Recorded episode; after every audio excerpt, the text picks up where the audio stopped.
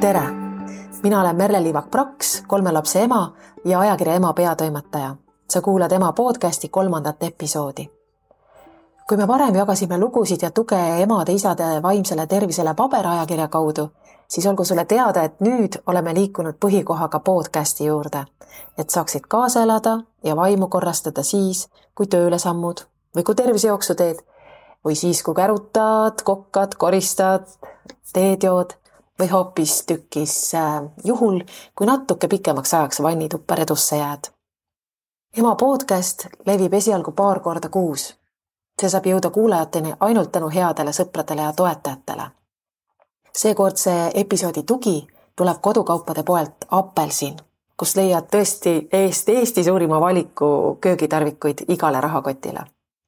võin isiklikult kinnitada, et äh, kui, kui mõnd põnevat retsepti lugedes avastad, et mõni vajalik abivahend on puudu, siis alustuseks tasub ikka sammud seada apelsini. Kunagi, kui ma korraldasin kahvliahvi kokakooli, siis toimisin ise just nii. apelsinipoed asuvad Tallinnas Kristiine, Ülemiste ja Rocca al Mare keskustes, aga ka Tartus, Pärnus ja Rakveres.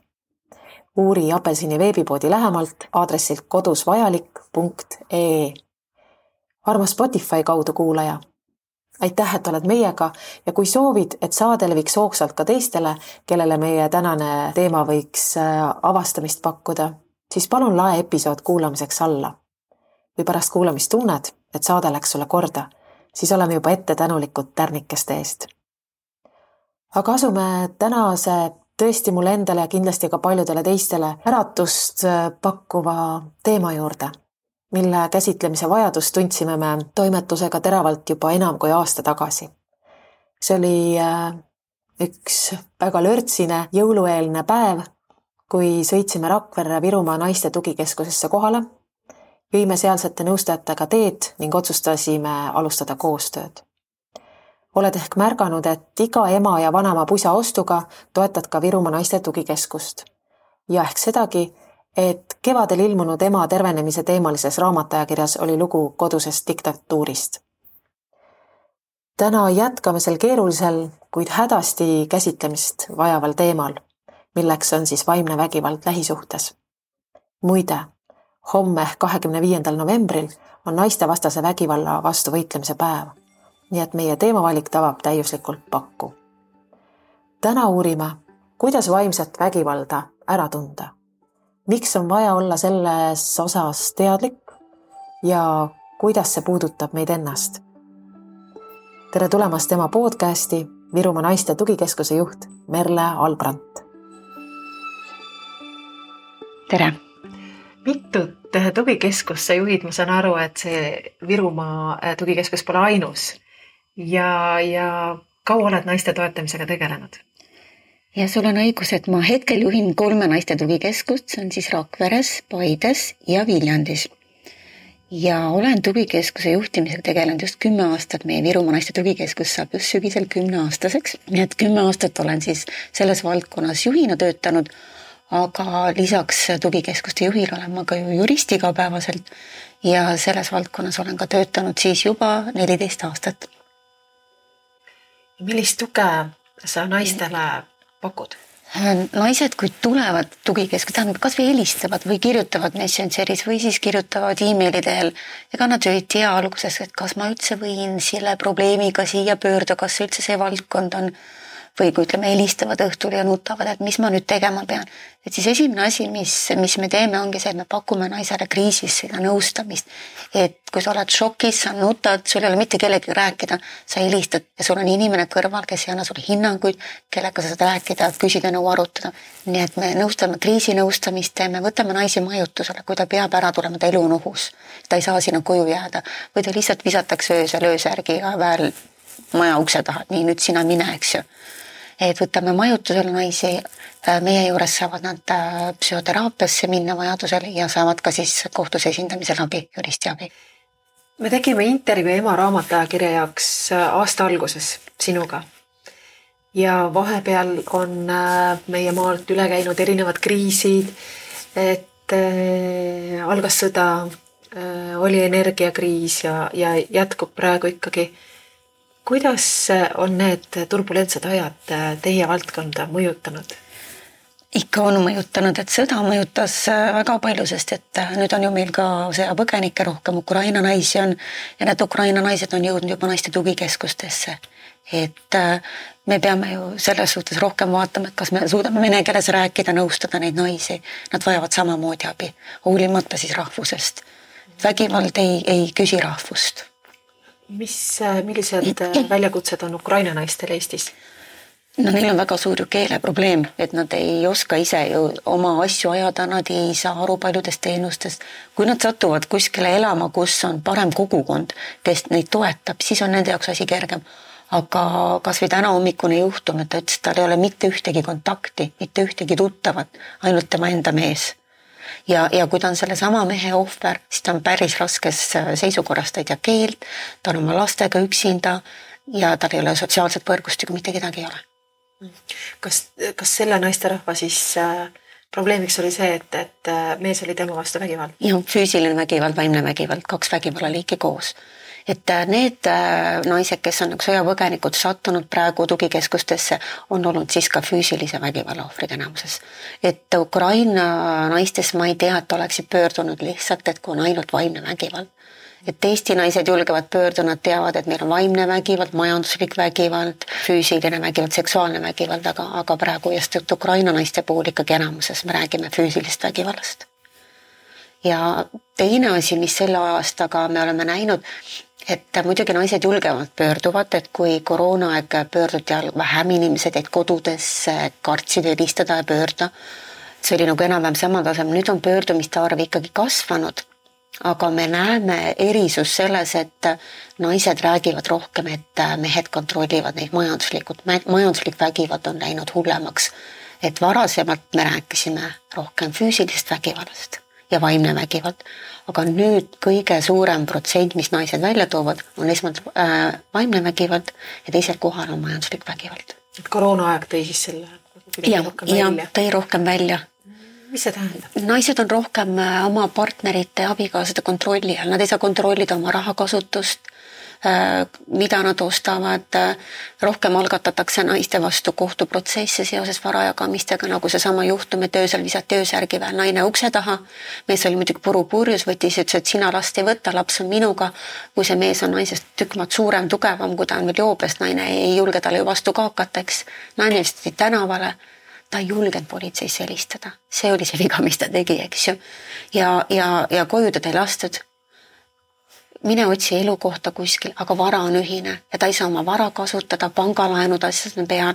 et see, mis tuleb selle varaga, mis on nendel paaridel ühine, need vaidlused, see on noh, lõputud kohtuprotsessid ja mida kõike välja mõeldakse, et noh, inimeste fantaasia on ikka, ikka võrratu aga, aga ikkagi see majanduslik vägivald koroona ajal, et, et püüan aru saada sellest seosest, et kuidas, kuidas siis see andis võimaluse nagu rohkem kontrollida? Äh, naised olid äh, paljud need, kes jäid ka lastega koju, lapsed olid ju koduõppel, lapsi tuli õpetada, eks ju.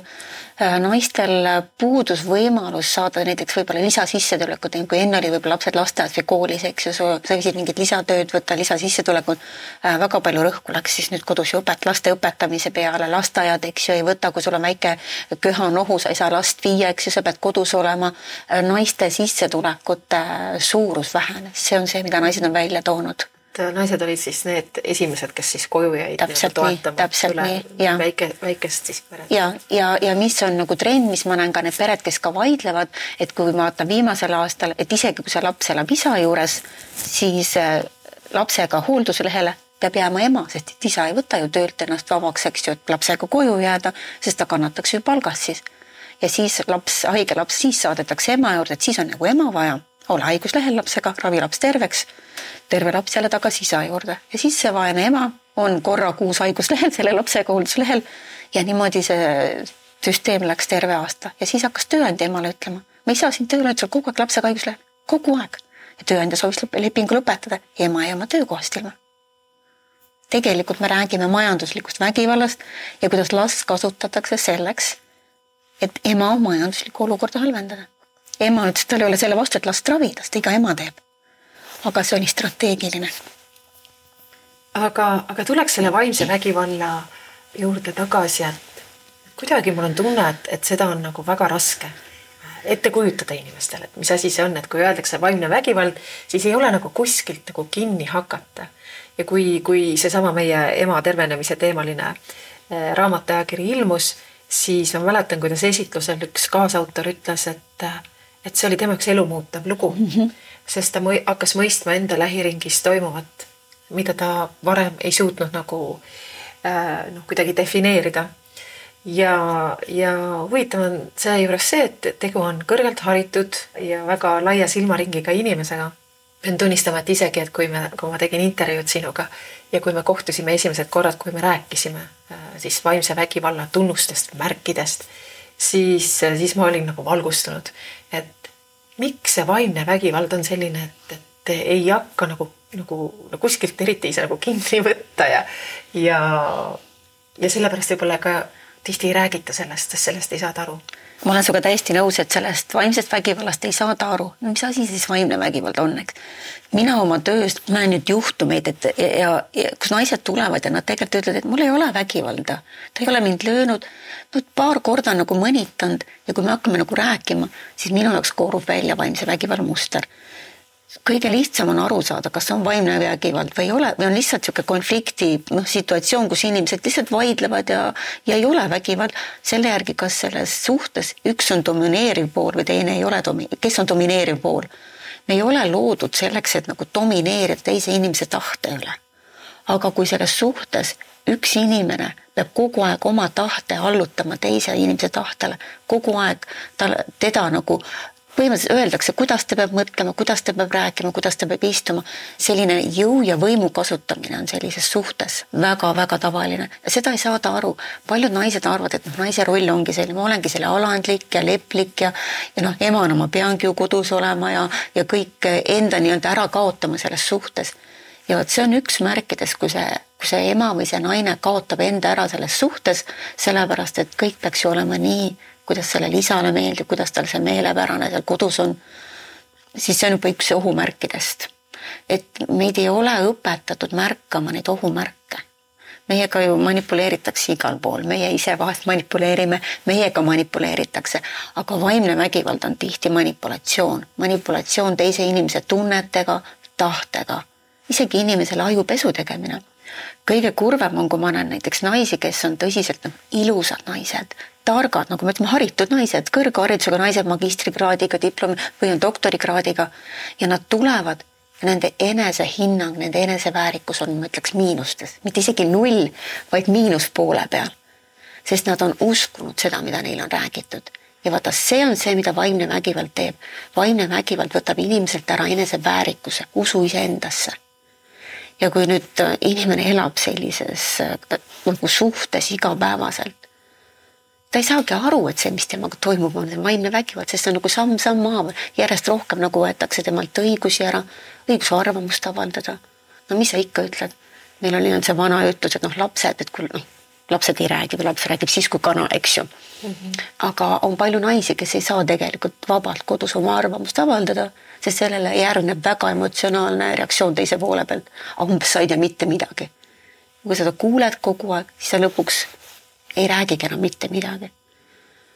et neid vaimse vägivalla märke, neid on väga-väga palju, et neid on nagu erinevad, aga meie vaatame seda süsteemselt. et vahest on konfliktid, mõlemad, eks ju, vihastuvad, mõlemad ütlevad halbu sõnu välja. aga kui me räägime ikkagi süsteemsest, siis on süsteemselt teise inimese väärikuse, inimese väärikuse alandamine, mitte käitumised, noh jah, me kõik teeme vahest valesti, no vahen midagi ümber siin, eks ju, no ma ei tea, unustan mingi asja ära ikka me eksime, aga kui mind mõnitatakse, mitte sellepärast, mis ma tegin, vaid öeldakse, et sa oledki selline, sa oled üdini selline noh, selline halb või sa oled laisk ema, kuigi ma iga päev pesen põrandaid ja kõik tuba läigib, eks ju, aga ikka mulle öeldakse, et sa oled laisk, eks ju. et vot sellised asjad on, mis nagu naised välja toovad, et nad kunagi polda, ei olda nagu nendega rahul, nad pole kunagi piisavalt head. Antakse märku, et sa piisavalt ei pinguta selle suhte pärast, sa, sa ei oska lapsi piisavalt hästi kasvatada, sa ei ole piisavalt tark oma äriasjades, sa ei ole piisavalt tark tööasjades.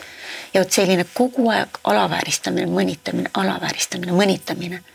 et see on sellise vägivaldse suhte muster kui ma, kui ma sind praegu kuulasin, siis, siis mul on tunne, et, et seda probleemi on laialt ka igasugustes suhetes tegelikult mm. -hmm. et et kust need vaimsed vägivallatsejad siis tulevad, et ju siis, ju siis nad on ise seda kogenud, võib-olla?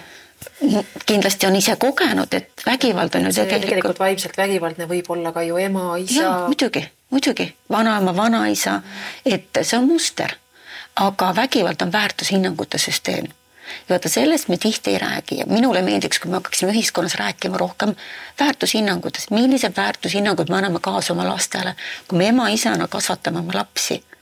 kas me õpetame lapsele vahet tegema hea ja kurja vahel? kui laps vihastab, võtab mingi asja ja viskab maha, kuidas me reageerime? kas me õpetame, et selline käitumine ei ole aktsepteeritud? aga need juhtumid, mis meie näeme, eks ju, kodus laps tuleb ja lihtsalt lööb ema ja mis isa selle peale ütleb? seda ite tulebki lüüa. millistest väärtushinnangutest me siis räägime? see laps õpibki, ema võib lüüa ja ta näeb, et kodus ema võib lüüa. koolis teisi ei tohi lüüa, isa ütleb, vaata, et sa koolis kaklemisega vahele ei jää. koolis pead hästi õppima, viiet tooma ja laps ongi koolis eeskujulik, õpe, õpetaja kiidab, tubli laps. kui ema juurde tuleb, siis tõesti vaene ema ema saab ikka väga korralikult peksa poiss on juba päris suur, eks ju.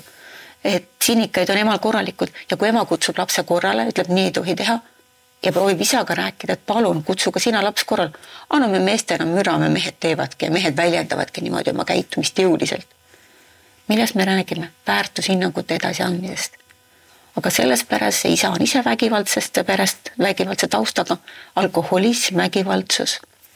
ja see on tema norm no see on midagi, mida me äh, seostame nagu teatud nii-öelda siis äh, kontingendiga võib-olla, et, et väga raske on seda ette kujutada, noh, inimestel meie, meie seas või. vaimse vägivallaga on vist natuke teisiti, seda ongi nagu äh, noh, sinikad, noh, need räägivad iseenda eest, aga, aga vaimsest vägivallast ei jää sinikaid ja, ja vaata, kas mulle meeldis see, sa ütlesid, me ei kujuta ette seda vägivalda, et noh, see on nagu kuskil teise kontingendi seas mm. -hmm. Need juhtumid, mis ma toon, need inimesed on kõrgharidusega inimesed. Neil on väga ilus maja, nad on kogukonnas tuntud inimesed. isa läheb kooli, õpetajale väga isa meeldib, no nii super isa, muster isa, eks ju. ema kohta räägib igasugust negatiivset seal koolis ja lapsele sa ei kujutaks ette, et tegelikult sellises peres siis on taustaks perevägivald ja see, mis seal siis kodus, maal, ilusas majas väga hästi restaureeritud majas, mis seal siis tegelikult toimus, eks ju. me ei kujuta ette, et seda vägivalda, ma arvan, et isegi vaimset vägivalda, mida rohkem nii-öelda klass kõrgemale, keskklassis ja kõrgemas klassis, seda on väga palju. aga see jääbki sinna seinte vahele, sellest ei räägita. sest et seal juba inimesed teavad, ma ei saa ju lüüa sind, siis ma saan kriminaalasja aga ma saan sind mõnitada, ma saan sult autovõtmed ära võtta, ma saan sult pangakaardid ära võtta, ma saan kontrollida, ma saan sulle panna jälitusseadmed igale poole, ma saan sind igat moodi kontrollida, rahadega, vaimselt. aga ma ei löö sind, kordagi ei löö sind. ma kallan sulle prügikasti pähe. sellest kriminaalasja ei saa, see on see, mis ta tegi. Mees nõuskas nina, viskas paberid prügikastist mööda, naine. Ütles palun pane korjama taskurätikud kokku mida see õiendab, võttis, pani taskurätiku prügikasti ja kallas selle prügikasti naisele pähe. kas sa saad politseid kutsuda? ei ole, valu ei olnud ju naisel, jah, sul on ebamugav, sul on paha, sul on räpane tunne. sind on nagu solgiga üle kallatud.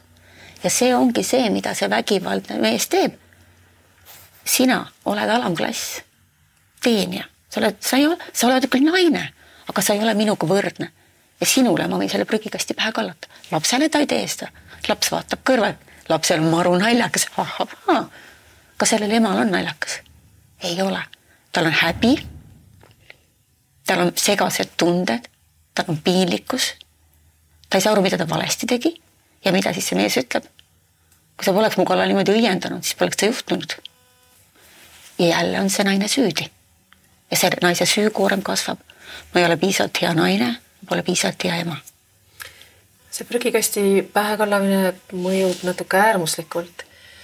kui keegi valab prügikasti kellelegi pähe, sa vaatad kõrvalt, saad aru, et äh, jama mm. -hmm. aga, aga kuidas see niimoodi, et inimene on kõrval ja ei saagi aru, et, et on jama parasjagu käimas? sest ega siis kõrvalt äh, vaatad juuresolekul seda vägivalda, on väga raske ka siis seda välja näidata. kui need paarid lähevad seltskonda, siis üks asi, mida nagu jälgida, on see, mida see mees räägib üleüldiselt naistest või kuidas ta teeb kommentaare teiste naiste kohta. see on see, mida me õpetame ka tüdrukutele, et kui sa hakkad omale partnerit valima, siis vaata, kuidas ta suhtumine on üldiselt naistesse kas ta on abivalmis, kas ta paneb tähele, kui teistel inimestel on mingid raskused, kui nad seltskonnas on, kas ta teeb mingeid nõmedaid, nilbeid nalju naiste kohal? Või kas ta kommenteerib möödaminevaid naisi, no vaata, milline see välja näeb, et see on nii paks, et kuidas ta julgeb tänavale üldse tulla, eks ju. sellised kommentaarid. Et, et seda tuleb jälgida, sest see on üks märk, et ta tegelikult alavääristab naisi.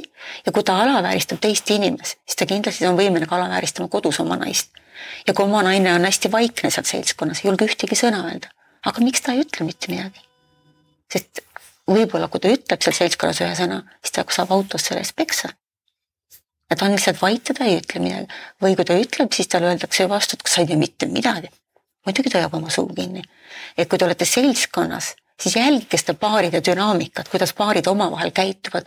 kas mõlemad on vabad, kas mõlemad on vabad oma arvamust avaldama? Lähete kuskile sünnipäevale või seltskonda, kas mõlemad julgevad, no lähme tantsime, teeme, kas mõlemad on sellised vabad? või üks on selline pinges ja siis teine on hästi vaba.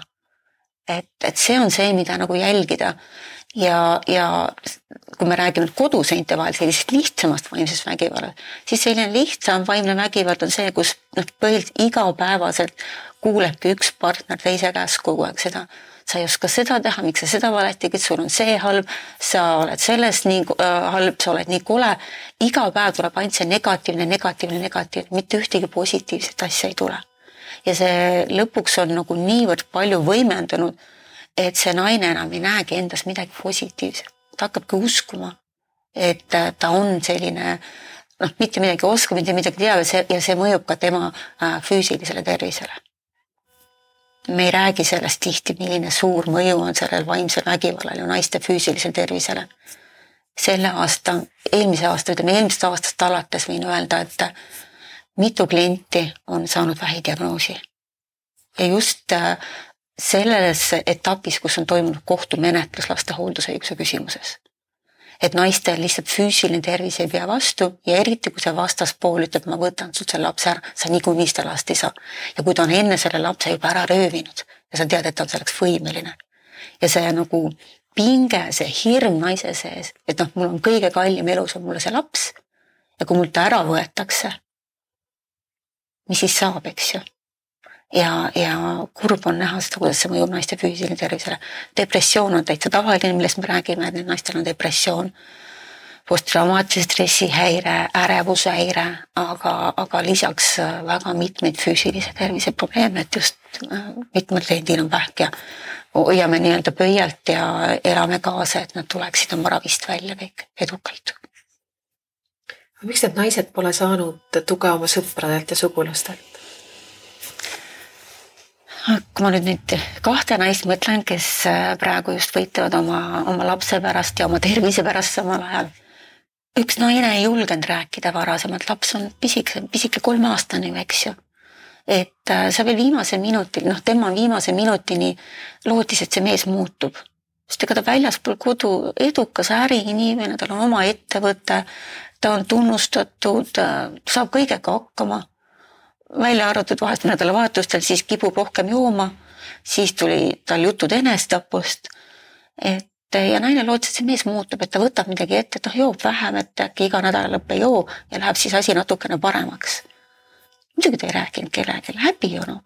miks sa pead rääkima sellest, mis sul seal kodus nädalalõppudel toimub? nädala sees oli nagu kõik hästi, eks ju. käid tööl, tööl ei räägita oma muredest. häbi on üks asi, mis kõiki neid naisi iseloomustab, on häbitunne. häbi, kuidas ma sellise äh, valiku sain teha. häbi, et ma sellise isa oma lastele valisin. häbi, et ma ei saanud aru, et ma ei osanud neid märke enne vaadata. et ka needsamad naised nüüd ütlevad, tead nüüd ma saan aru sellest vägivalla mustrist. kui ma nüüd uue partneri valin, et ma, ma, ma nüüd oskan neid vägivallamärke tähele panna, aga ma reaalselt ei saanud sellest aru ja seda on kurb kuulata kaks nädalat tagasi üks juhtum oli, kus naine ise ütleski, tead, ma olen ise uurinud, ma olen ise õppinud, ma tean, milline on vägivaldne inimene. ja ma sattusin kuu aja jooksul, olin armunud, sattusin suhtesse, abiellusin selle inimesega ja nii kui me olime abiellunud, ma sain peksa ja ma aru sellest ka ei saanud, et ta mult mu vara välja meelitas. et me rääkisime siin füüsilisest vägivallast, me rääkisime vaimsest vägivallast, manipulatsioonist ja me rääkisime majanduslikust vägivallast sest et naine kinkis pool korterit mehele. ja see on mitmete naiste puhul, et olnud, et mees palub, et kui sa mind armastad, kingi pool maja mulle. maja, mis naine on enne siis soetanud endale või on kingituseks saanud. ja, ja no muidugi, no ta ju armastab mind, me plaanime koos peret luua ja kingitakse vara ära. ja siis on kaks kuud hiljem lahutus, sa pead selle pool maja mehele kinni maksma. See on nüüd reaalsus meil viimaste aasta juhtumid. kas ähm, vaimset vägivalda esineb ka naiste poolt meeste suhtes? ja muidugi esineb, et kui me räägime statistikat, siis tõesti, eks ju, üheksakümmend protsenti juhtumitest on naised ohvrid, aga kümme protsenti on ju ka mehed. ja, ja noh, naiste poolt vägivald ei olegi nii palju füüsiline, eks ju, ongi rohkem nagu vaimne aga see on samamoodi selline nagu kontroll, eks ju, teise üle domineerimine, selline võimutsemine. et ekstreemsemad juhtumid, äh, kui ma vaatan oma kliente, seal on olnud nii füüsiline kui siis vaimne vägivald. aga need vaimse vägivalla episoodid on selles suhtes hästi jõhkrad, et need ei ole ainult kooselu, vaid need jätkuvad ka pärast kooselu.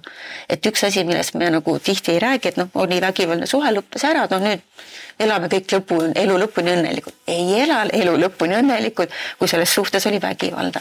ja see vägivald jätkub ka pärast suhte lõppemist. et äh, minnakse sõprade juurde, see üks juhtum, eks ju, minnakse, üks siin oli, ohver oli siis mees äh,. Naine ju teab, kes kõik mehe sõbrad on. kõikidele mehe sõpradele kirjutatakse, räägitakse, kui halb mees ta on olnud, et mees on hoopis noh, et tema on vägivaldne hoopis olnud, kuidas ta on lapsed hooletusse jätnud ja nii edasi, et see, see muster tuuakse nagu vastupidiselt välja. ja, ja noh, vaene siis see inimene, et kõik sõbrad helistavad, küsivad, kuule, et no mis see oli, ma sain siukse kirja postkasti. järsku sinu perekonnaelu on nagu kolmekümnele inimesele tehtud avalikuks, eks ju.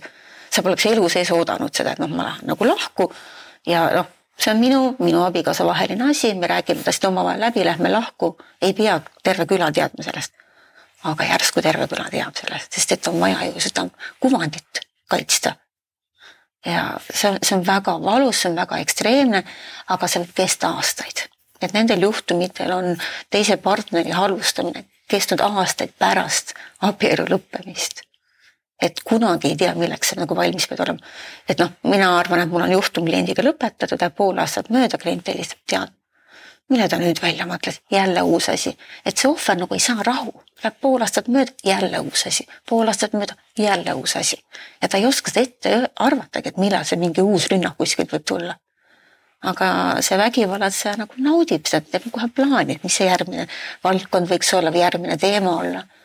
Ja, ja see tuleb siis sellele nii-öelda endisele ohvrile, kes on juba välja saanud sellest, tuleb üllatusena, jälle šokina. mis see nüüd on? see kõik äh, endiselt kõlab väga ekstreemsena ja sellepärast ma tahaks küsida sult, et mitut protsenti meie elanikkonnast äh, sellised probleemid puudutavad? mitu protsenti inimesi on kogenud vaimset vägivalda? Ma ei oska sulle protsente öelda, ma tean uuringuid, mis äh, on ka Eesti kohta, Eesti on kaardistatud, on toodud välja see, et iga neljas naine siis vanuses viisteist kuni seitsekümmend neli on oma elus kogenud vägivalda. Et ta ei pruugi praegu selles vägivaldses suhtes olla, aga ta on kogenud, võib-olla on ta kogenud seda lapsepõlves, võib-olla oli tema onu tema vastu vägivaldne või vanaisa või kasuisa, eks ju, räägime tänapäeval ka ju sellest seksuaalsest väärkohtlemisest sugulaste, sõprade poolt. Et äh, see kogemus on olemas. et kui me räägime, pool ühiskonnast on meil naised, pool ühiskonnast on mehed ja kui sellest poolest ühiskonnas, kus siis on naised, et sellest kakskümmend viis protsenti kuskilt on kogenud oma elus sellist halba kogemust, nagu olla vägivalla ohver. et see on tegelikult päris palju inimesi meie ümber, päris, päris palju naisi, meeste puhul see protsent on, eks ju, väiksem, aga see on väga suur hulk meie ühiskonnas, kes tegelikult käivad ringi äh, mingi traumakogemusega. see on siis nii füüsiline kui ka vaimne vägivald? ja, ja et vaimset vägivalda on kindlasti rohkem, aga, aga inimesed ei oska nagu aru saadagi, et see, mis minuga juhtus, et see oli vaimne vägivald. et nad ei oska sellele olukorrale või sellele situatsioonile äh, või sellele suhtele anda sellist nagu noh, nimetust, et see oli mul vägivaldne suhe. et me kahjuks näeme, et äh, tulevad meie juurde naised, kellel oli esimene suhe vägivaldne, teine suhe vägivaldne, kolmas suhe vägivaldne. või kui lähevad ka vahest ära varjupaigast ja leiavad uue siis sama mustri järgi leiavad inimese, kes on vägivaldne olnud. et, et nad ei oska nagu ennast väärtustada ja seda, sellest mustrist aru saada. mis äh, liigid on üldse vägivallal veel, on vaimne, füüsiline? majanduslik ja seksuaalne et me oleme seksuaalsest nagu vähe rääkinud üldse, et see on selline nagu natuke tabuteema, noh uudistest tuleb, et meil on nagu seksuaalvägivallast teatamised kasvavad Eestis aga mis on minu jaoks nagu tabuteema, on see, et ei räägita peresisesest vägistamisest. see, mida naised kogevad paari suhtes, kus äh, arvatakse, et ma pean ära kannatama, ma pean olema valmis kõigeks, sest et me oleme ju suhtes. ja kui siis need juhtumid kuskile jõuavad, et äh, vägistamisjuhtumitena siis kohtusse, siis nad, see on päris erandlikud, aga nad jõuavad kuskile. aga see on nii tabu naistele rääkida sellest, et ma olen nagu suhtes, paari suhtes, jah, ma tahan selle mehega koos elada, aga seksuaalselt ta tegelikult kuritarvitab mind. ja kui nad julgevad seda rääkida või tulla terapeudi juurde, siis tegelikult sealt hakkab nende see tervenemise protsess, et nad hakkavad iseennast ja oma keha väärtustama. Ja saavad aru sellest, et, et noh, ma ei tohi lasta oma kehaga nii käituda. et miks ma teen seda, miks ma lasen oma kehaga käituda, kus need põhjused on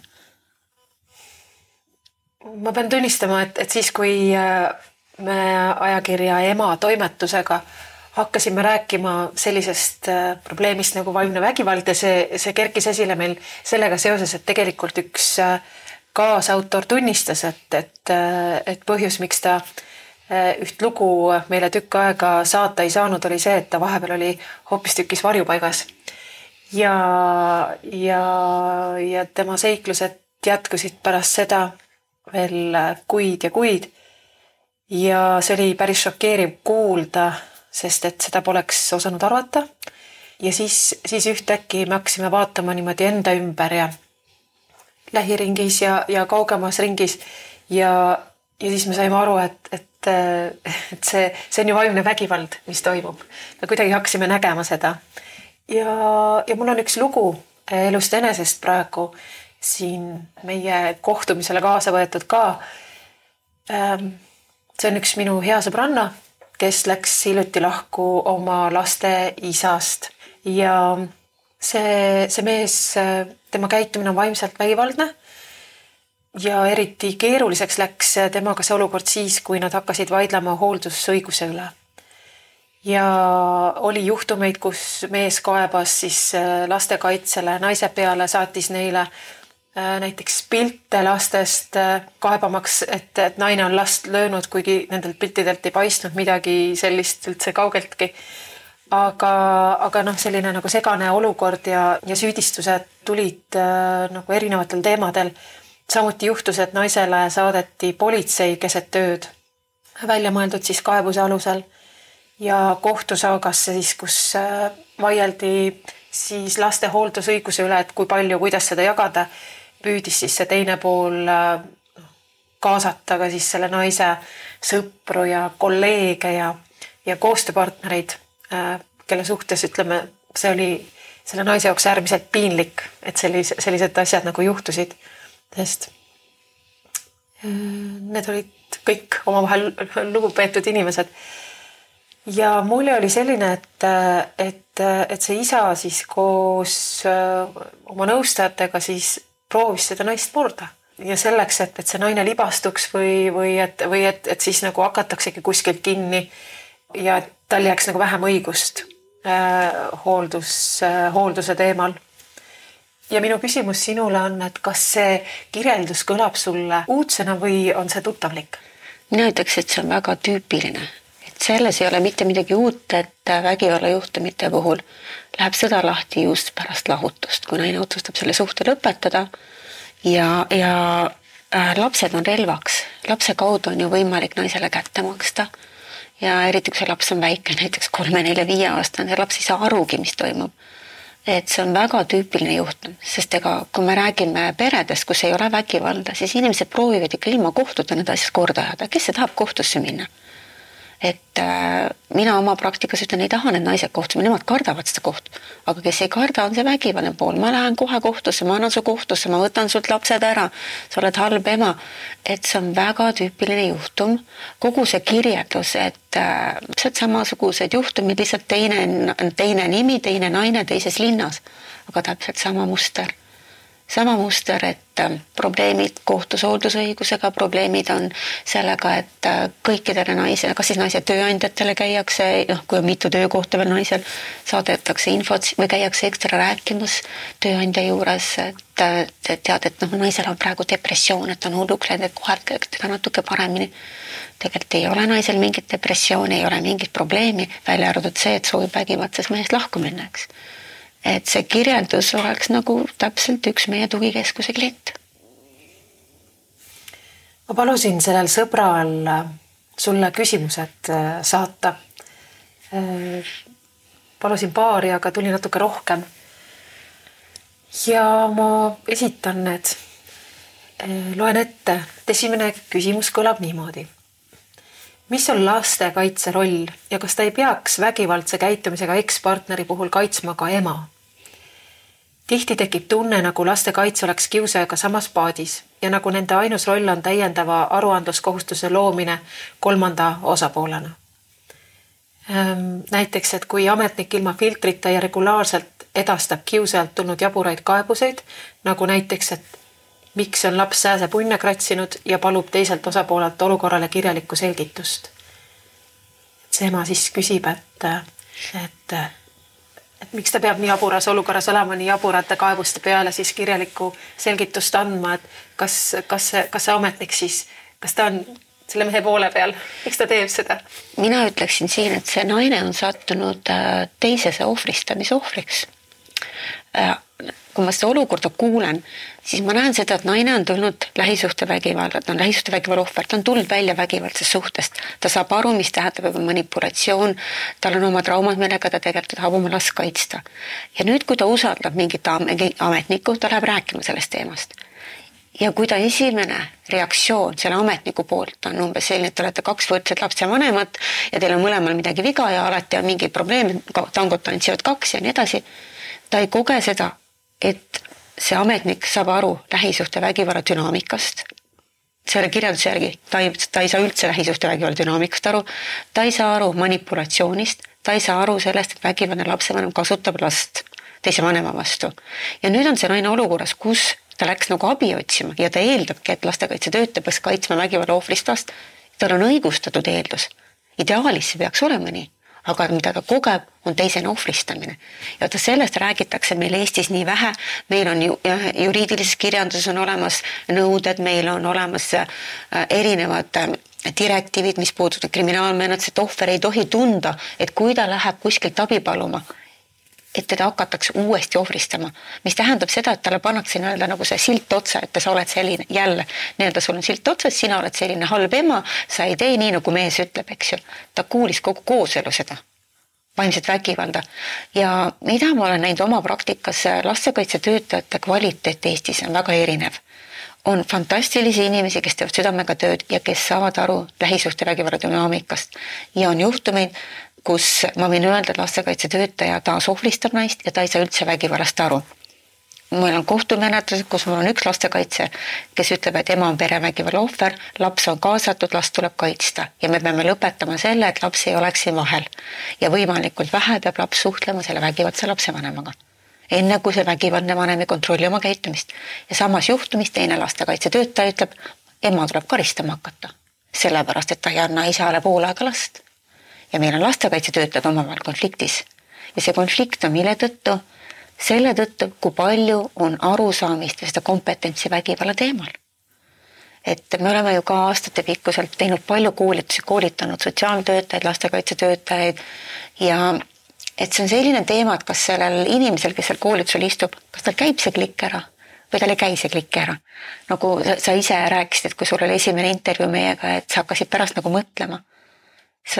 See on hea, kui inimene hakkab mõtlema, aga kahjuks on ametnikke, kes ei mõtle tal ei tekiks seda ta ei hakka mõtlema. tekkis seosed ilmselt Täpselt. enesega. jah, et inimestel puudub see võime võib-olla analüüsida või mõtelda, aga vägivallajuhtumite puhul on väga oluline näha pilti laiemalt, et see on nagu üks pusletükk mm, -hmm. mida toob see vägivaldne pool ja kui sa võtad selle ühe pusletüki, et see ongi kogu pusle, siis sa oled tegelikult selle pusle valesti kokku pannud ja sa kahjustad last et jah, lastekaitsetöötaja peab olema juhtumi korraldaja, peab lähtuma lapse huvidest, peab kuulama lapse ära, peab lapse arvamust äh, arvestama. aga ta peab ka märkama seda, kui see vägivaldne vanem kahjustab last ja kas see võõrandamise teema, millest palju räägida, kui ta hakkab lapsele rääkima kogu aeg sellest emast halba. Telefoni või videokõnedes, mis toimuvad ühe kliendi puhul iga õhtu peab olema kell seitse videokõne isaga ja see, mis see kolmeaastane seal videokõnes kuuleb, no see ei kannata mingit kriitikat, eks ju. ja siis ütleb lastekaitse, et see on tegelikult ideaalne isa, laps peaks pool aega tema juures elama. ja kui ema ütleb, kas te saate aru, mida ta sellele lapsele räägib? ei, ta on muutunud. ta on hea, sest et lastekaitse juuresolekul ta kontrollib ennast. ja, ja siis me mõtleme, mis siis selle isa eesmärk on miks ta kasutab oma väikest last sellises olukorras, miks ta räägib oma väikesele lapsele, kolmeaastasele tüdrukule emast selliseid asju? varsti emal ei ole varsti telefoni, sa ei saa helistada, mis iganes, pisidetailid. aga kui sa tead vägivallamustrit, sa tead, et see on lapse juba, lapse kahjustamine, lapse võõrandamine teisest vanemast. miks ta teeb seda? väga lihtsal põhjusel. lapse kaudu saab ta emale haiget teha, ta saab kätte maksta, et see naine julges sealt suhtest ära minna temale julges keegi ei öelda. naine julges ta maha jätta. see on uuesti võimu näitamine, noh vägivald on puhas võim ja kontroll. tal on vaja saada võimu, kontrolli olukorra üle. laps on kõige kergem vahend. ja kui ta saab veel selle lastekaitsetöötaja näiteks enda poole, me ütleme, et ta on nagu äh, selline käepikendus siis, et vägivaldse inimese käepikendus see vägivaldne inimene istub kodus teleka ees tugitoolis ja hõõrub käsi ja on väga õnnelik, sellepärast et need lastekaitsetöötajad teevad tema eest selle töö ära ja ohvristavad seda ema ja kahjustavad last. sest et ei ole analüüsitud tervet pilti. ma väga loodan, et see olukord muutub ja, ja et see kvaliteet äh, ühtlustub ja, ja see arusaamine organisatsioonis, lastekaitseorganisatsioonis, äh, kui tähtis on olla kursis ja, ja teadlik äh, sellest poolest, kui see nii paljusid meist tegelikult puudutab. seesama sõber tegelikult tahtis, tahtis küsida ka selle kohta, et kas see on linnalegend või tõde, et lapsest saab vägivaldsest partnerist lahku minnes relv. sest see on ainus vahend ilmselt, millega ekspartnerit kiusata Äh, põhiline vahend. see on põhiline vahend, kui ei ole mingit varajagamisi juurde või et saab teist rahatuks teha või pankrotti. et laps on kõige parem, sest et lapse kaudu saab emotsionaalselt seda naist mõjutada kõige rohkem. ja see valu, mida see ema ju näeb, kus see laps tegelikult hakkabki emast võõranduma, kui see laps hakkab ema lööma või peksma või kui lapse käitumises tekivad probleemid, eks ju, või hakkavad lapsed äh, öösel alla pissima, tegelevad mingit äh, ennast kahjustama, kratsivad ennast kuskilt katki. kui lastel ilmnevad sellised nagu sümptomid, siis nende emade süda üldjuhul on niimoodi, et tead, et minu laps, mis te teete mu lapsega. ja siis see mees ütleb, laps on ideaalses korras, mitte midagi ei ole. ja see ongi, laps ongi nagu selline relv. kui ma tahan, kasutan relva, kui ma ei taha, ei kasuta relva. ja see on sõda, me alati ütleme, et lahkuminek, vägivald on sõda ja sõda võib kesta kaua, me näeme, Ukraina sõda ei ole veel läbi läinud. ja sama on ka see laste hooldusõiguse vaidluse nagu lahkuminek, see on sõda, seal on erinevad etapid. on etapid, kus naine kaotab, on etapid, kus naine võidab. ja alati ütlen, et sellisest suhtest väljaminek, naine peab olema valmis, et ta on sõjas nüüd ja seal on teised relvad ja noh, naine ei kasuta, selline naine, kellel ei ole sellist motiivi, et oma last kahjustada, ta ei too seda last sinna nagu selle isegi relvana, eks ju aga ma mõtlen seda, et, et see isa siis, kellel on tähtis võim ja kontroll ja kes kasutab last relvana mm, -hmm. kas ta teeb seda teadlikult? kas see vaimne vägivald tähendab seda, et ta teeb seda teadlikult või võib olla mingisugune muster inimesel sees niimoodi, et lihtsalt tema peres niimoodi ongi tehtud ja ta isegi ei pane tähele ja ta isegi ei suuda hinnata seda kuidagi kriitiliselt? kindlasti on mingi muster tal peres, et on kuskilt sellise käitumisnormi õppinud, see on käitumisnorm. me kõik käitume nii, kuidas meid on kasvatatud, õpetatud. üldjuhul vägivaldsed inimesed on väga strateegilised. Nendel on kümme sammu ette planeeritud, aga need naised-emad on sellised emotsionaalsed, eks ju. et äh, hetke, hetke olukorra praegu teeks nii, lapsel on see olukord, mehel on kõik ette planeeritud. et kui me räägime nüüd sellisest äh, mustrist, mis võib tulla, et tihti, kui ma küsin, et räägi mehe päritolu pärast, kuidas seal oli? no kas isast ei tea midagi või oli isa joodik ja samamoodi vägivallatses või tegi keegi peres enesetapu, et see peretaust on tihti selline, kus on mingid probleemid või, või, või proovis keegi püssiga kedagi maha lasta ja nii edasi. et see, see tuleb sealt. aga see ongi see, et äh, mis mustri see võtab, ega siis kõik inimesed, kes tulevad vägivaldsest perest, ei ole ise vägivalla kasutajad aga seal juhtumil on ta võtnud selle mustri. ja, ja miks seda tehakse, kui me vaatame lapsi, see laps, kes näeb, et kui ma teist löön ja ma saan talt selle mänguasja kätte, siis ma hakkangi lööma teisi, sest minul on kergem niimoodi neid mänguasju kätte saada. aga seda lapse käitumist tuleb korrigeerida. kui sa õigel ajal ei korrigeeri, siis mis sellest lapsest tuleb? ta võib ka olla selline, kes on teismelisena politsei huviorbiidis ja nii edasi, eks ju kui nüüd see mees näeb, et see käitumine, millega ta saab seda naist või lapse ema kontrollida, toob talle tulemusi. miks ta peaks oma käitumist muutma? tema jaoks on ju tulemus kõige tähtsam. kas ta ise teeb vahet, et, et see kontroll, et see, et see välistab armastuse või siiski ei välista, võib-olla ongi kontrolli vajadus ja armastus korraga, noh näiteks emadel endilgi oma laste -hmm. suhtes no siin võib olla ka, et teatud juhtumitel võib olla tegemist isiksuse häirega, et me peame eristama seda, kas meil on inimene, kellel on mingi isiksuse häire diagnoositud või meil on nartsissist, eks ju või meil on inimene, kes on lihtsalt sellise mustriga, annab sedasi, et ega meil ekspertiis päris tihti ei too mitte midagi välja, et inimestel oleks mingi vaimne häire, et miks nad niimoodi käituvad, seda ei ole. et äh, iga juhtum on erinev, igat juhtumit tuleb erinevalt vaadata, iga vägivaldse inimese käitumine on erinev, erinevad ajendid, erinevad motiivid selle taga. aga kui mängu tuleb äh, naisel uus mees ja selle kohta küsib äh, hea sõber, et äh, kas see on linnalegend või tõde, et kui ema on eluga edasi läinud ja uue elukaaslase leidnud, siis vägivaldne ekspartner hakkab terroriseerima ka uut elukaaslast.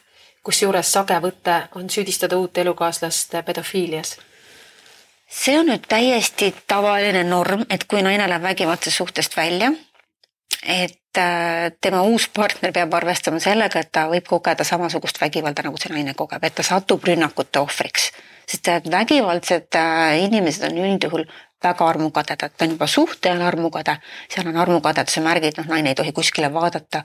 noh, autos sõidavad, mis sa sinna kõrvale vaatasid, vaatasid mingit meest või kus sa olid, eks ju. et see armukadedus on juba siis suhtes. kui nüüd see suhe lõpeb, ega siis see mees arvab, et naine peabki üksi jääma, ega siis ei tohi keegi kõrvale tulla. sest see, kes kõrvale tuleb, see on ju potentsiaalne toetaja naisel. ja naine saab nii-öelda jõudu juurde, tal on tugi, tal on keegi olemas, kellel toetada ja selle tõttu tuleb hakata seda tuge nii-öelda toel jalad alt ära saada. et see naine oleks jälle üksinda, et ta oleks nagu nõrgem. ja, ja see on väga strateegiline, tihti näevad need mehed, et see naine on elu lõpuni tema oma, ta ei tohigi kellegi teisega minna. Mehel võib tõlkida uus esimene suhe, teine suhe, kolmas, aga naisel ei tohi.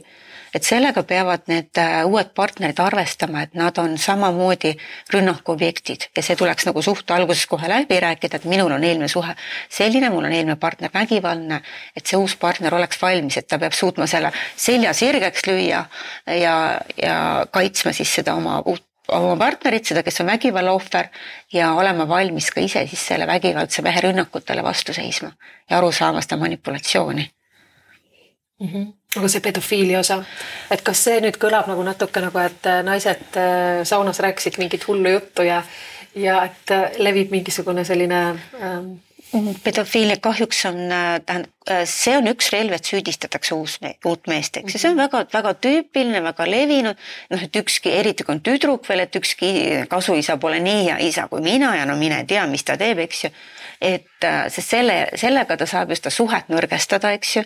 võib-olla naine hakkabki uskuma, et ta see uus elukaaslane on selline, et noh, kõik, mis nõrgestab naise ja tema uue partneri suhet, kõik võtted võetakse käiku. pedo, pedofiilias süüdistamine, see, see on üks asi, eks ju. täiesti tüüpiline, seal on muud asjad ka, milles süüdistatakse, eks ju. paneb, no paneb liiga palju tööle, eks ju, kasutab tööorjuses lapsi, eks ju. kui noh, nõuabki see kasuisa, et laps peab oma võileivataldriku laua pealt ära viima, eks ju. ja kui laps räägib, et näed, et ma pidin lauda koristama, näed, kasuisa paneb sind tööle, eks ju, tööorjuses või erinevad asjad, aga see pedofiilias süüdistamine on, on väga palju levinud aga mida ma kindlasti tahaks nagu tuua sisse, et äh, meil on väga palju kahjuks levinud sellist laste seksuaalset väärkohtlemist ja ärakasutamist. meil on nagu juhtumeid, mis on jõudnud, et kus äh, naine ise pole märganud, äh, kui tema oma lapsed on sattunudki seksuaalse väärkohtlemise ohvriks nüüd on üks, üks juhtum, mis oli, kus laps käis nädalavahetust isa juures ja siis isa ise kuritarvitas tüdrukuid, kahte tüdrukut, kahte õde et tänapäeval, mis ma võiks öelda, et kui on mingisugune kahtlus, siis alati tasub pöörduda spetsiaalselt äh, nõustajate või terapeutide juurde, kes on eriväljaõppe saanud, sest seal on oma märgid, mida jälgida selle lapse käitumises. et mis viitavad sellele, et see laps on siis seksuaalse väärkohtlemise ohver, ega lapsed ju ei räägi Nad ei, nad ei oska sõnadega väljendada seda, mis nendega on toimunud, nad ei saa aru, et see on midagi imelikku olnud ja selle poole pealt ongi, et selleks on spetsialistid, kes siis lapse käitumist, kõike seda jälgivad koos ja siis kas ütlevad, et jah, et seal on kahtlus, et last on väärkoheldud või et ei, see on välja mõeldud jutt, seda last ei ole väärkoheldud. et see valdkond tulekski jätta siis spetsialistide hinnata, mitte hakata ise hindama. et tavaline lapsevanem, ma arvan, et ei ole ise kompetentne hindama ei ole ka lastekaitsespetsialist, kes peavad seda hindamist tegema, selleks on eraldi väljaõppe saanud spetsialistid nii politseis kui ka väljaõppe saanud terapeudid. lapsed ja telefon. sõber küsib, et kui tihti kasutatakse telefoni vahendina ekspartneri järel nuhkimiseks ja soovitakse sel põhjusel kohtus regulaarseid kohustuslikke videokõnesid lapsega nooremate laste puhul saab partner kasutada videokõnesid lapsega ema tegevuse jälgimiseks või teha screenshot'e näiteks vestlusest tõendite loomiseks lapse kurvast meeleolust. ja suuremate laste puhul on võimalik kas siis lapse telefoni ja selle sisu distantsilt jälgida või paluda lapsel ema tegevust salvestada teate, see on väga levinud, mida aeg edasi, mida rohkem inimesed on tehnoloogiast teadlikud, seda rohkem toimub selliste nutiseadmete, telefonide kasutamine, laste jälgimine, emade jälgimine, äh, videokõnede ajal kogu selle korteri, kodu, olustiku kõige jälgimine. et noh, laps räägib, eks ju, selle telefoniga, korra võtab telefoni kätte, liigub toa teise otsa. No näed, kohe ema takistab ja lapse kõnet, eks ju, see on nagu niisugune väike näide, mida tehakse aga, aga väga tüüpiline on see, et pannakse igale poole jälitusseadmed, laste telefoni, eks ju, võimalik ju jälgida, et vanemad ju positsioneerivad, kus nende laps on. aga tihti on nii, et noh, näiteks laps elab ema juures, aga isa positsioneerib. selle kaudu saab ta kontrollida, kus see laps siis selle emaga koos liigub, enamus ajast on laps emaga. jälgida kogu aeg, noh, koju paigaldatakse kaameraid, autodes on kaamerad, et kogu, isegi kui suhe on lahku läinud toimub selline jälitamine. ja siin ongi võib-olla küsimus selles, et paljud ei tea, mis see seaduspärane jälitamine, mida sa siis tohid teha, mida sa ei tohi teha, eks ju. sellist ebaseaduslikku jälitamist ikkagi on. et äh,. kus see piir siis läheb?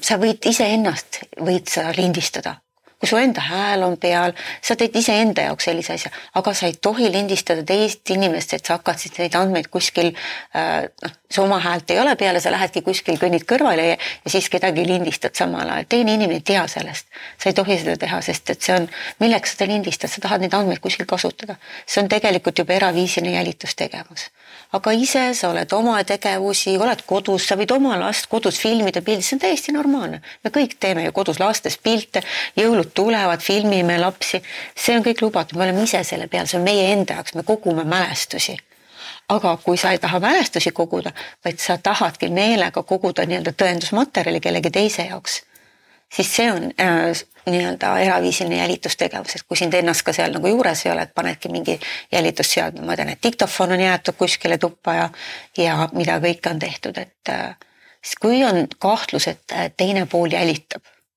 või on kuskile pannud mingi seadme, et noh, ma tean, et noh, mitmed naised on ütelnud, et selline tunne, et kas on autos mingi jälitusseade, siis ma ütlen, minge siis alati, minge siis autoteeninduse, laske kontrollida, laske oma autod üle vaadata. kui teil on kahtlus, et teie telefonile on mingisugune asi peale pandud, minge, kui te ise ei oska, enamus naised ei jaga sellest tehnikast, et minge ja otsige abi, küsige, kontrollige siis kindlasti tuleks pöörduda politseisse, kui on kahtlus, et on niimoodi jälitatud ja politsei tegeleb sellega, eraviisiline jälitustegevus on ikkagi karistatav mm,. sõber jätkab, et kui ekspartner kritiseeris teist vanemat lapse juuresolekul ühise kooselu ajal, siis tõenäoliselt ta jätkab seda ka siis, kui nad on lahku läinud. ja, ja siis ta küsib, et mis jäljed see jätab äh, lapsesse, kui äh,, kui üks vanem teist maha teeb ja kas seda on kuidagi võimalik peatada? ütleb väga otse, see rikub lapse tulevikku, rikub lapse elu ära. see, äh, kui ta juba kooseluaeg halvustas lapsele, lapsevanemat see näitab seda inimese olemust, et ta on valmis oma last rikkuma, kasutama oma lapse seda närvikava, rikkuma oma lapse närvikava. Ja ta ei hooli sellest tulemusest, ta ei hooli sellest, mis tema lapsega toimub, see on, see ei ole üldse adekvaatne lapsevanem, kes niimoodi teeb. meil on tänapäeval väga hea termin selle kohta, see on lapse võõrandamine. mida rohkem laps kuuleb teise vanema kohta halba, seda rohkem ta hakkab seda uskuma, see on nagu ajupesu ja lapsed lõpuks ongi, et ma ei tea ju, keda uskuda, isa räägib ühte, ema räägib teist, eks ju. ja tekibki nii-öelda uskumuste konflikt. ma olen näinud ühte tüdrukut, kes on kahe nädalaga keeratud nii ema vastu, et seda on noh, täiesti võimatu uskuda. ja ema ütleski, et ma tahaks nagu, mul on laps elus, aga ma ei tea temaga mitte midagi tema kohta. ta on nagu elav, elav surnu, ma ei saa matuseid ka pidada. sest et mul ei ole enam mitte mingit kontakti temaga ja mida tehti laps on nii-öelda ajupestud, et selline lapsele pidevalt teisest vanemast halva rääkimine on põhimõtteliselt lapse ajupesu. Ja, ja me teame ju teadusuuringud, mis juhtub inimestega, keda siis on nii-öelda ajupestud, eks ju. Nad ei suuda ise adekvaatset olukorda hinnata, nad on selles ühes mõjusfääris kogu aeg, nad hakkavad uskuma valet ja kui inimene usub valet, ta teeb oma elus ka valed otsused.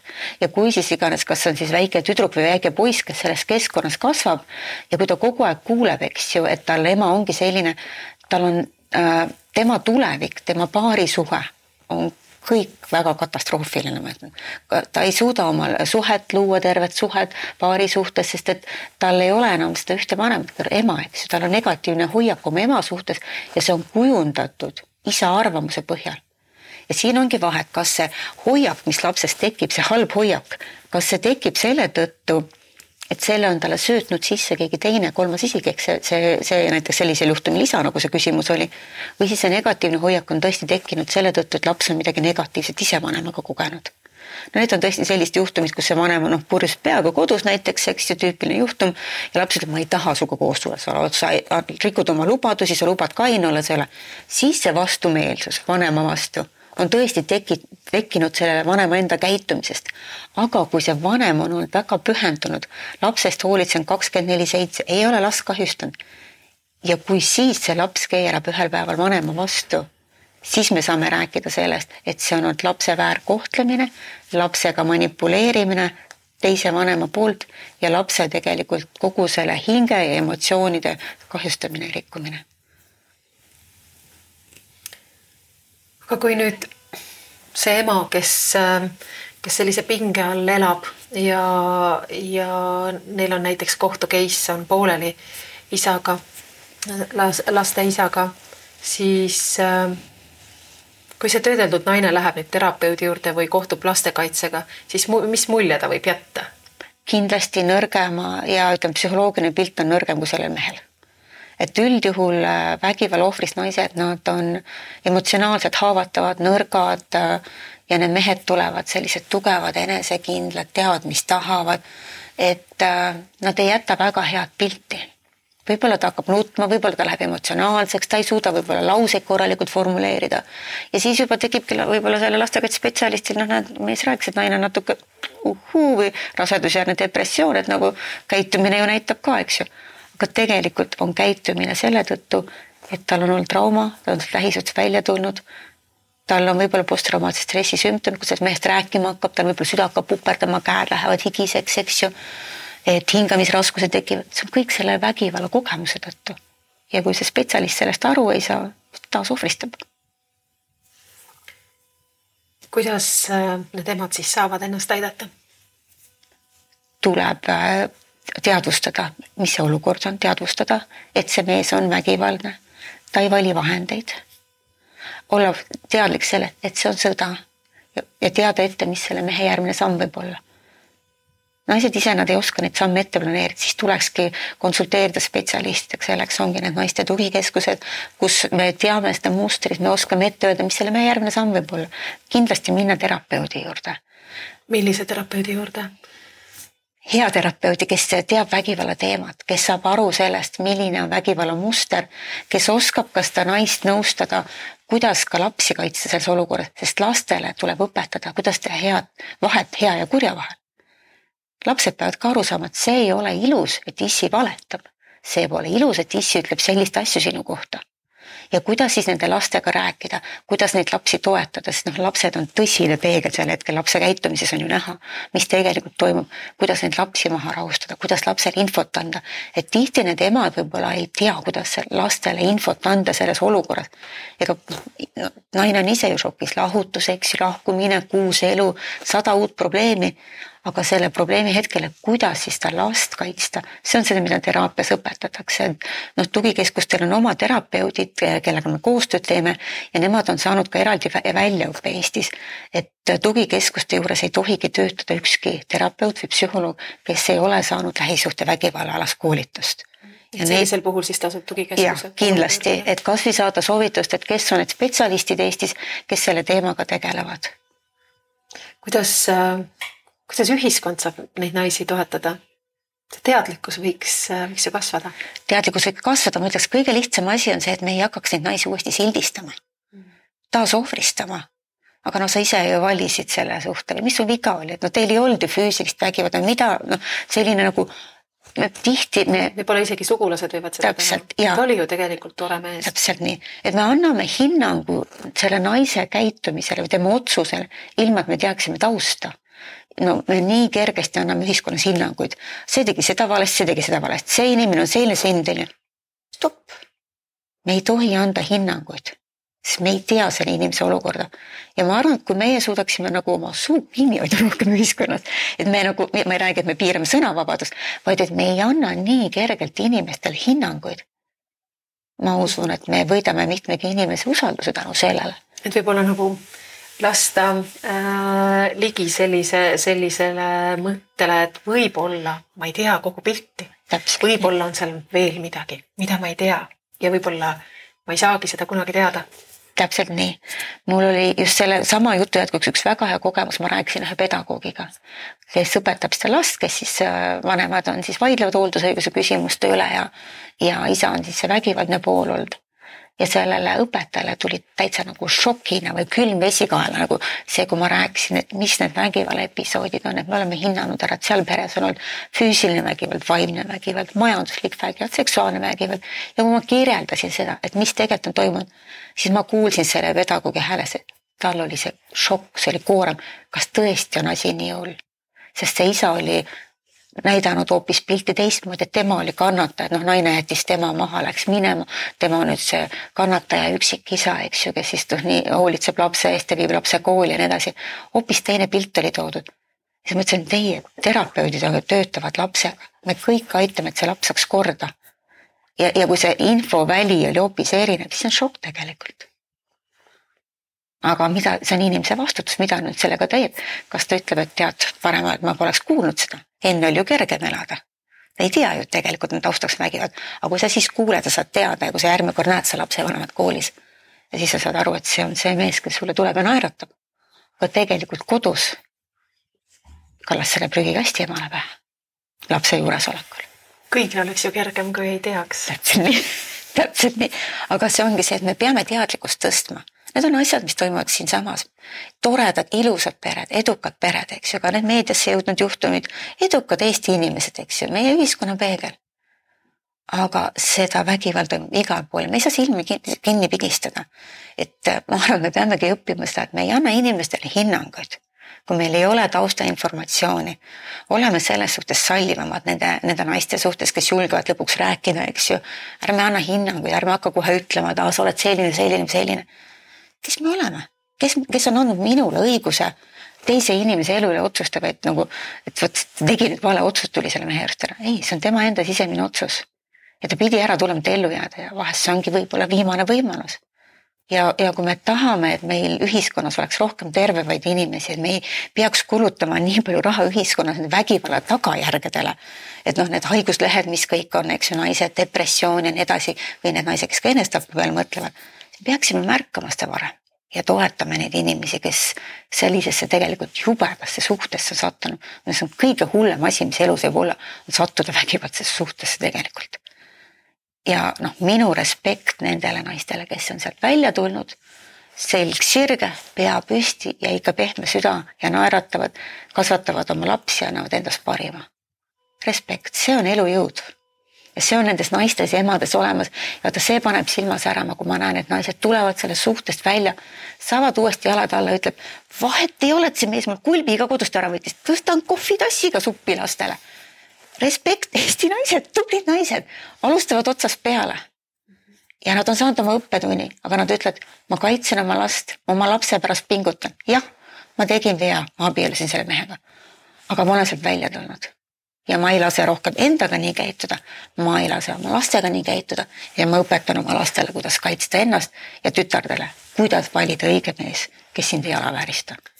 kuidas sedasama tunnet hoida siis, kui sa tegelikult jagad lapse hoolda, hooldusõigust äh, sellesama inimesega, kellega sul on olnud väga keeruline? Siis sa pead mõtlema selle peale, et sa oled sellele lapsele ainukene turvaline lapsevanem, ainukene turvaline isik, kes selle lapse jaoks olemas on, on see ema sellel hetkel. ja see on see mõte, millest ema peaks nagu lähtuma, et lapsel tegelikult ei ole igapäevaselt kedagi teist kõrval, kes talle selle õige nägemuse annaks, armastuse annaks ja see ema peab oma viimasegi jõuallika, mis tal kuskil seal all peidus on, kokku nii-öelda leidma endas. ja selle, sellepärast, et see laps vajab teda selles olukorras. Laps ei ole suuteline võitlema seda võitlust teise täiskasvanuga, laps on alati nõrgem pool. ja see on see hetk, kus see ema peab saama tugevaks tahaks olla nõrk, tahaks õhtul sinna patja nutta ja tahaks kõik asjad ära lõpetada, tahaks rahu. see on see, mis nad ütlevad aga see rahu tuleb ühel hetkel, kui see laps võib-olla naeratab ja ütleb, ema, ma tänan sind, et sa tegid selle võitluse läbi. ja vot see on see tänu sellele emale ja vot selle peale mõeldes tuleb pingutada kasvõi viimase verepiisani. Aga öelda, ma ei lase oma last kahjustada, ma ei lase oma lapsel seda teha. ja võidelda ja, ja võtta kuulda spetsialiste ümberringi, kes saavad toetada, aidata ja õpetada, kuidas ise tervem olla, kuidas ise terveks jääda. ja kuidas last aidata aga siit edasi tahaks tulla iseenda juurde. et äh, nii kerge on ju rääkida teistest ja teiste vigadest. aga sa ise ütlesid ka meie vestluse alguses, et tegelikult äh, sellist äh, vaimse vägivalla mustrit leidub meis kõigis ju, et, et noh, et kasvõi, kasvõi väga-väga nagu äh, õrnalt ja, ja, ja heledalt, aga, aga ikkagi, et me ikka natukene manipuleerime ja Äh, ja võib-olla märkame seda, tunneme piinlikkust, korrigeerime ennast, aga kuskilt see ikkagi nagu äh, läbi tuleb. Kuidas äh,, kuidas iseendaga tegeleda, kui, kui sa siis oma teadlikkuses märkad, et aga tegelikult ma ju ka äh, kasutan vahel selliseid meetodeid? et kui sa juba teadvustad seda, et sa kasutad selliseid meetodeid, siis see on väga suur samm ja, ja sealt tuleks edasi mõelda, et aga miks ma seda kasutan, kas ma ei oska muid suhtlusvõtteid? miks on see, et ma valin suhtlemiseks manipulatsiooni, oma tahte, et mul on vaja midagi saada, miks ma hakkan manipuleerima, kas mul jääb siis puudu suhtlusoskusest või sõnadest või, või mis see küsimus on, miks ma kasutan seda manipulatsiooni? et äh, jah, paljud inimesed kasutavad seda ümberringi ja see on väga levinud et aga mis see eesmärk on, kui me juba teadvustame ja me suudame iseennast analüüsida, siis ma võin öelda, et me oleme ikka tublid ja, ja me oleme äh, selles suhtes ikkagi äh, nagu meil terapeudid ütlevad, me oleme tublid neurootikud, me tegeleme iseendaga, eks ju. et see, see on juba respekt, et me suudame iseenda käitumist analüüsida. aga need, kes seda struktuurselt kasutavad, nemad ei analüüsi oma käitumist ja nemad näevad ju alati, et viga on kellegis teises, probleem on alati väljaspool mind. aga kui ma juba näen, et minu käitumine läks üle piiri siis ma suudan teadvustada, järgmine kord oma käitumist kontrollida. et me, me võime ükskõik kus kohas vihastada, ma võin minna toidupoodi ja ma võin vihastada selle müüja peale näiteks, et võib-olla ta ei naerata mulle ilusti. aga ma kontrollin, ma ei lähe vihaseks, ma ikkagi vaatan, et tema on seal tõsine, ma aga ma, ma teadlikult otsustan, ma täna naeratan talle, see on minu teadlik valik. ja samamoodi on tegelikult vägivalla kasutamisega, et on asju, mida me saame kontrollida elus ja palju asju, mida me ei saa kontrollida. Me ei saa kontrollida, kas praegu siin sajab vihma, lund või päike paistab, eks ju, see ei ole meie võimuses. aga mida ma saan kontrollida, on minu emotsioon. kas ma praegu kontrollin oma emotsiooni, kas ma kasutan teadlikult manipulatsiooni või ma ütlen ei. ma olen viisakas, ma naeratan, ma ei vihastu et see on tegelikult töö iseendaga ja me peame teadvustama seda, meil on kõigil iseendaga tööd vaja teha. täiuslikke inimesi ei ole, aga see, kas me teadvustame seda. Ja vägivalla puhul see on niivõrd hea näide, mis meil on terapeudid toonud, et, et vägivald on väga teadlik kontrolli kaotus, nad kaotavad kontrolli kodus tihti. Nad ei kaota kontrolli need vägivaldsed inimesed töö juures või sealsamas toidupoes, aga ta kaotab selle kontrolli kodus, eks ju. et ma ütlen, see on kontrollitud kontrolli kaotus nii et äh, ja, ja ta arvab, et tal on seal see lubatud, see on tema õigus, see on tema privileeg. Aga kui me saame aru, et äh, vägivallatsemine ei ole privileeg, see ei ole mitte mingi privileeg, see on lihtsalt võetud, äh, me oleme pannud, see inimene, kes kasutab seda vägivalda, on pannud ennast ise, ise pannud ennast võimupositsiooni, ilma et talle see võim oleks antud kuskilt poolt ja niikaua, kui inimesed saavad seda teha, nii kaua inimesed teevad inimkond on kahjuks selline. me näeme, et inimesed teevad inimestele kõige rohkem halba, eks ju. et see on igas, igas valdkonnas, eks ju, ja see on inimsuhetes samamoodi. Et on inimesi, kelle esimene motivatsioon on ikkagi isekas. nii et jah, töö iseendaga on kõige olulisem. niimoodi võib-olla ongi kõige kindlam viis maailma muuta. jah, täpselt ega me teisi inimesi niimoodi muuta ei saa, me tahaks, needsamad naised, need emad tahaksid muuta seda vägivaldset meest. no kui ta läheks teraapiasse, ta muutuks. see, mis ütleb statistika, üks protsenti heal juhul nendest meestest muutuvad, kes vägivalda kasutavad ja kes on nendes gruppides käinud, üks protsent. no see on ka midagi, eks ju. Aga muutus algab sellest, et me õpime iseennast väärtustama, iseennast kaitsma, see on esimene muutus. kahjuks meil paljud noored tüdrukud, noored naised ei väärtusta iseennast, ei saa aru, et kui imeliseks nad on loodud tegelikult, kui imeline on inimene, kui, kui toredad on inimesed, kui palju äh, potentsiaali on inimesed, kui võimekad võivad olla noored emad, noored naised, eks ju. Et kui seda naised teadvustavad, siis see, see, jõud ja see vägi, mis sealt välja tuleb nendest naistest, eks ju, see elujõud, see, see armastus laste vastu, ma usun, et see on see, mis neid lapsi kannab ja see on ka see, mis neid naisi toetab, eks, et selles suhtes lastega, et ja lastele, mis lastele vaja on? ühte inimest, kes teid armastab. terve kiindumussuhet, üks, üks, üks täiskasvanu oleks sel lapsel, kes paneb last tähele, kes kuulab, kes armastab. ja siis selle lapse tulevik on positiivne, helge.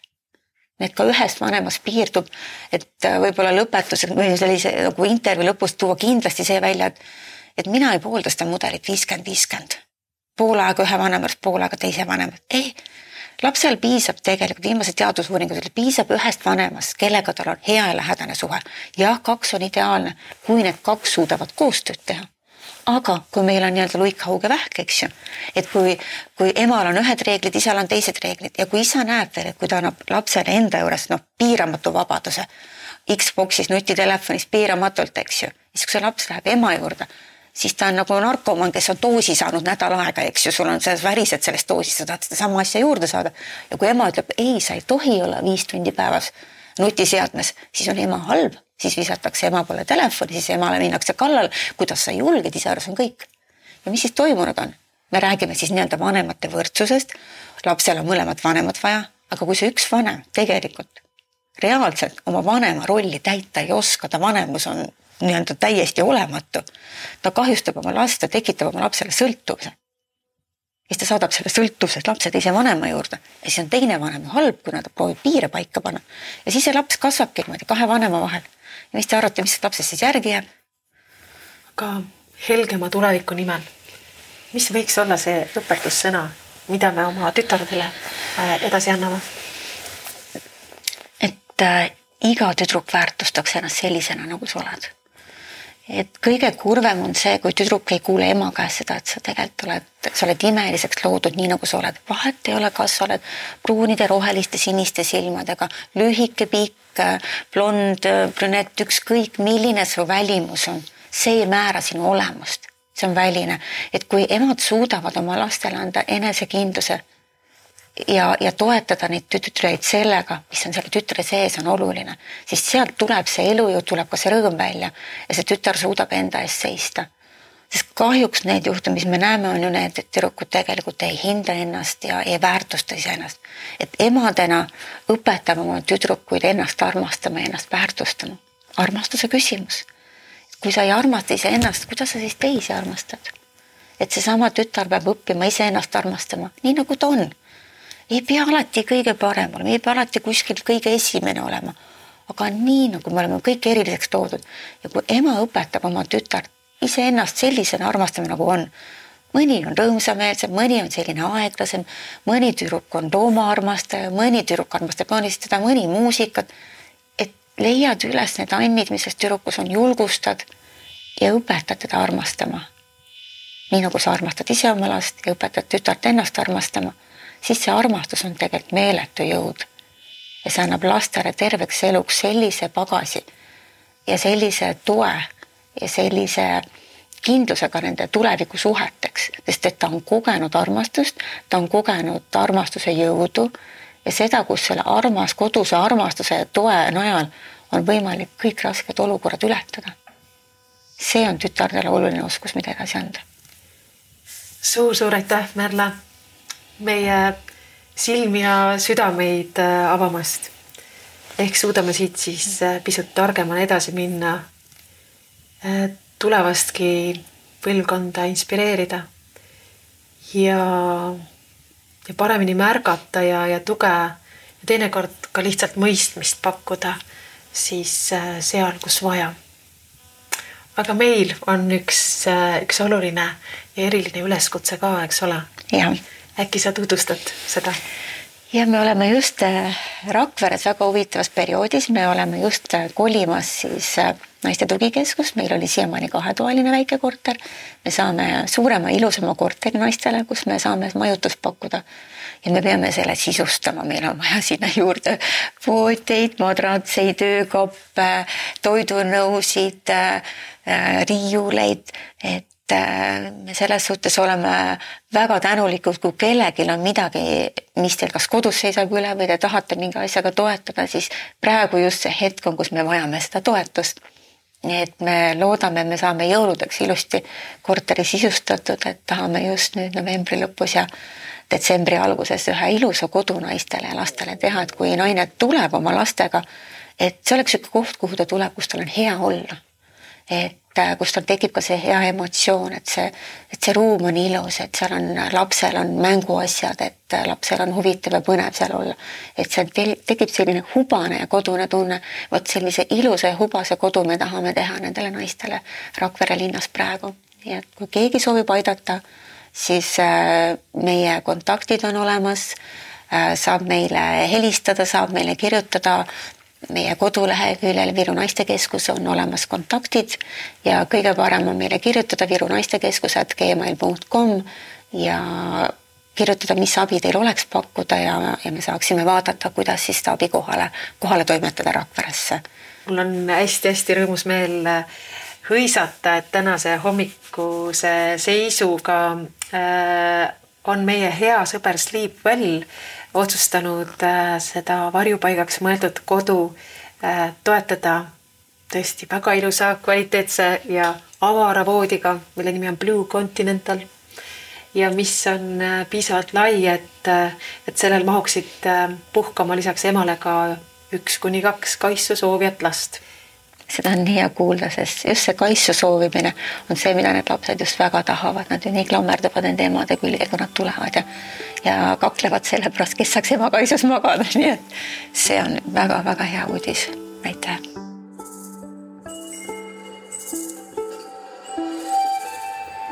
ja rõõmu lisandus juurde. salvestamise pausi ajal liitus varjupaiga toetajate hulka ka apelsinipood, kust tugikeskus saab valida siis kõik tarviliku köögi tarvis suur,. suur-suur aitäh kõigile toetajatele, neile, kes on juba toetanud ja neile, kes teevad seda nüüd tulevikus. tänud sullegi, armas kuulaja. soovin sulle head naistevastase vägivalla vastu võitlemise päeva ja meie kohtume sinuga erakordselt puudutavatel teemadel juba paari nädala pärast